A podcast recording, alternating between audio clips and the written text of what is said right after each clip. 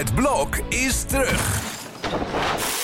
Vier koppels, vier bouwvallen, vier verbouwingen en dus een hele hoop stress. Het blok, iedere werkdag om half negen bij net vijf.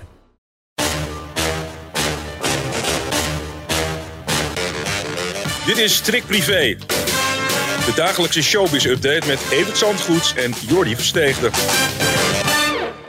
Tromgeroffel, de eerste slag in de talkshow-oorlog is gewonnen door... Eh, VI? Zo is het. Ja, dan Ja. kunnen die decors van die anderen niet tegenop. ja, nee, ja, dat, dat nieuwe decors, ja. ja. Ze blijven timmeren daar in Hilversum. hè? Ja, het is bij Humberto, het is één grote ledwand. Het deed me een beetje denken aan het eh, decor van Twan Huis destijds, Ja. een paar weken bij, bij. RTL.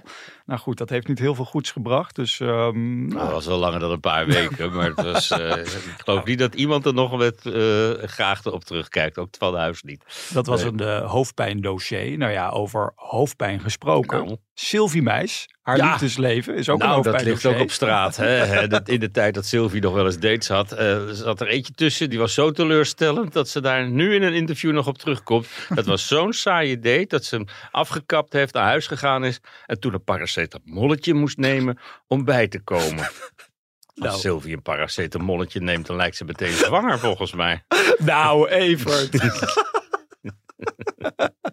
ja, ach, Sylvie. Ja, ze begeeft zich trouwens niet op dating apps. Hè. Ze zegt dat is helemaal niets voor mij, want dan krijg je gelijk van die mannen die uit zijn op de geld. Ja, Maar ja, eh, zij Nee, komt... ze, ja. kijkt, ze komt wel in kringen waar ze ook de ogen de kost kan geven natuurlijk. En de laatste niet, Nicolas Castello, die leert ze ook kennen op een bruiloft van een hele rijke vriendin. Dus Ja. ja, ik denk dat dat meer de, de, de huwelijksmarkt is voor Sylvie dan, eh, dan zomaar een dating app waar Jan en alle man op kan. Ja, nou ja, het is niet altijd slim trouwens hè, om te koop te lopen met je geld. Het kan je ook eh, de kop kosten onder je fans. Nou, het kan je carrière kosten. Nou. Vraag maar aan Frans Duits. Die heeft eh, ja, lopen pochen met twee prachtige dure auto's die hij gekocht heeft. Maar het is Nederland, Frans. Dat, moet je, ja, dat kan hier bijna niet. Ook al werk je er hard voor. Ook al heb je het hele bedrijf van je vader groot gemaakt en verkocht. En je vader overleden en een erfenis gekregen. Het maakt allemaal niet uit. Mensen vinden het allemaal. En wanneer kom je dan bij mij gratis zingen? Als je Ja. toch zo... Nou, dus ja, dat, dat kun je weten. Het is gewoon in Nederland nat dan om te koop te lopen met alles wat je hebt. En dan gaan die mannen van VI er nog even overheen. Ja. we al allemaal weten dat ze zich ook allemaal zo'n auto kunnen permitteren. Ja. Daar gaat het dan even niet om. Hij heeft hem wel gekocht en dan ben je gewoon even een avond de lul.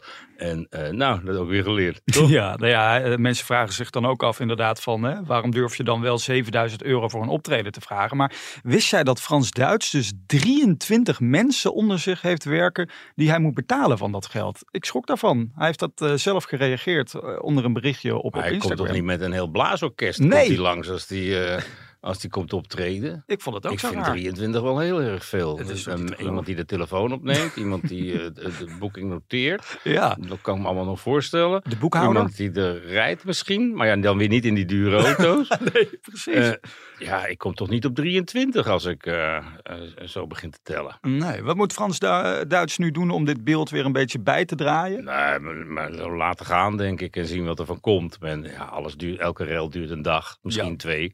En dan, dan zal het wel weer overgaan. Maar Ja. het is ook wel een beetje, eh, ja, god, laat die man. Hè? Ja, precies. Dit is echt in, heel, in Nederland het geval. In Engelse bladen zie je gewoon sterren die hun huizen laten zien. En Ja. Allemaal, ja, Nou, kijk is- maar naar Sylvie Meis, die port met haar tasjes. Hè? Ja, je nou, weet wat er van komt. Ja, dat komt er ook nog eens van. Ja. Ja. Maar het is, eh, ja, het, het is een bijzondere mentaliteit die wij hebben. Ja. En eh, mensen zijn sterren, maar ze moeten zich niet als sterren gaan gedragen. En ja, dat was laatst ook bij Mart Hoogkamer. Maar als je 400 optredens per jaar doet, dan heb je echt wel geld om een mooie BMW te kopen. Ja. En bovendien moet je gewoon dag en nacht op de weg zitten en, en veilig eh, rijden. Maar het laten zien, kun je beter niet doen. ja, er waren trouwens tot slot hierover ook mensen die zeiden van... ga nou eens iets doen voor het goede doel. Daarvan zegt Frans Duits, nou dat doe ik ook wel degelijk. Alleen, ja, ik loop daar niet mee te kopen. nee, dan loop je daar weer mee te Ja. kopen. En dan krijg je die storm weer over Ja. jou. Maar, Ja. nou, Ach ja. Nou ja, wie zich ook wel zijn auto kan permitteren is eh, Wesley Snijder. Zeker. Ehm, ik las vandaag een stukje bij ons in de krant. Eh, ja, zijn afscheidswedstrijd is blijkbaar nog steeds niet geweest. Wij hadden kaarten gekocht al natuurlijk. vijf jaar eh, niet meer voetbal. Ja. En nog steeds, toen kwam corona. En toen is elke afscheidswedstrijd, met altijd oranje spelers, is dat tegen dan een, een team van je vrienden of zo. En dat Ja. was ook de bedoeling, met muziek erbij, allemaal in dat stadion in Utrecht. En er is nog steeds geen datum. En nu heeft de organisatie maar gezegd, ja, het is misschien wel tijd om mensen hun geld terug te gaan betalen. Dus wie kaarten heeft en zijn geld terug wil, die kan dat. Er zijn ook nog steeds plannen om het alsnog wel te gaan doen. Nou, En eh, ja, in dat geval eh, moet je ze gewoon lekker houden. Maar ik denk dat Wesley zelf zo langzamerhand ook niet meer op een afscheidswedstrijd zit te wachten. Nee. ik dacht echt dat hij die al lang gehad had, joh. Die, Dat zou ook wel gemoeten hebben. Maar Ja. ja. het land heeft eventjes eh, stilgelegen de hele tijd. We zijn het alweer bijna vergeten. Maar ja, ja, ja, ja, is, ja, ja, die corona. was toen hè. toch wel heftig hoor. Weet je dat nog? Ja, dat is echt raar hè, als je daar nu over nadenkt. Nou goed. Nou, wie wellicht willen optreden, je had het over artiesten daar. Marco Schuitmaker en Jan Smit, zou dat leuk zijn op het afscheidsfeestje van, van Wesley Snijder? Jan Smit en Wesley Snijder. Ik weet niet of dat een ideale combi is. Eh, we, Nee. we hebben ze wel een tijd geleden zien praten achter de schermen. Ja. Maar dat ging echt over het optreden wat er toe moest komen. Ik geloof dat er Mhm. weinig liefde verloren gaat tussen deze twee ex-geliefden van, eh, van Jolante. Ja. Maar eh, ja, een Schuitmaker zou er zeker tussen horen. Hij komt nu met een single samen met Jan Smit. Ja. Dat zal het bruggetje geweest zijn. Nou, En nou, wat een toeval dit verhaal. Het is, Jan Smit geeft vandaag een, een persconferentie op papier weliswaar. Want tegen spreken doen we hem niet heel veel. Nee. En eh, Jan die eh, laat weten dat hij rondliep met het idee om een liedje uit 1999... wat hij toen zong als kind, dus als Jantje Smit nog... Mhm. van Goes tot Purmerend opnieuw te gaan inzingen. Nou, wat denk je? Marco Schuitmaker komt bij een optreden naar hem toe. Die zegt van, ik zou dat graag, dat liedje van Goes tot Purmerend opnemen. Nou. En, en dan liefst met jou. Nou, Nou. zegt Jan Smit, alles valt ineens op zijn plek. En nou doen ze het eh, samen. Moet je even een stukje horen van hoe het klonk? Dat eh, moet je wel de ondertitels even aanzetten. Ja, En dan komt eh, de, nou, wat eerst de oude maar even.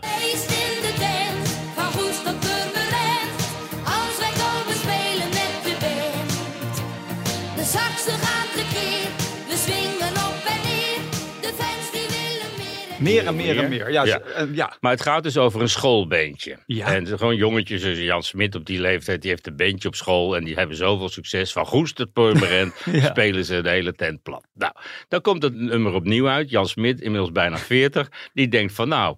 Wat zou je toch aan die tekst gaan zitten veranderen? Eh, helemaal niks. Was toen ook. Hij heeft nog steeds een schoolbeentje en Ja. hij speelt nog steeds alles plat. Nou, nu klinkt het zo. Feest in de tent, van Goes tot.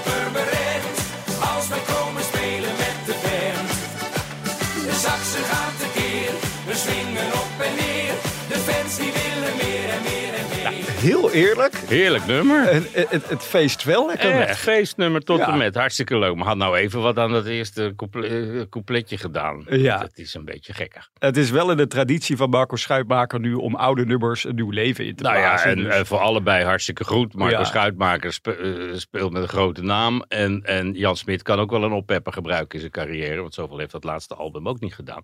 Mm. En nou ja, hopen dat het op deze manier een nieuw leven wordt ingeblazen. En binnenkort zal weer op een of ander plein... zal dat hele plein staan mee te zingen. nou, wordt het een nummer één hit? Of ehm, moeten we daar Ik nog... sluit niet uit. Het is een heerlijke... Als het een mooie nazomer wordt... Nou, Waar we om meerdere redenen om hopen dat op deze. Dan, eh, dan zou het Ja. zomaar kunnen. nou ja, eh, wij pleiten al, al weken, al dagen voor, voor zomer. En we gebruiken daarvoor natuurlijk ook gewoon onze... Ja, daar is hij weer. Hey, tot, eh, tot morgen. De zon schijnt bij even goed met Jordi aan zijn zij, want het is zomer. Maar dat strikt privé.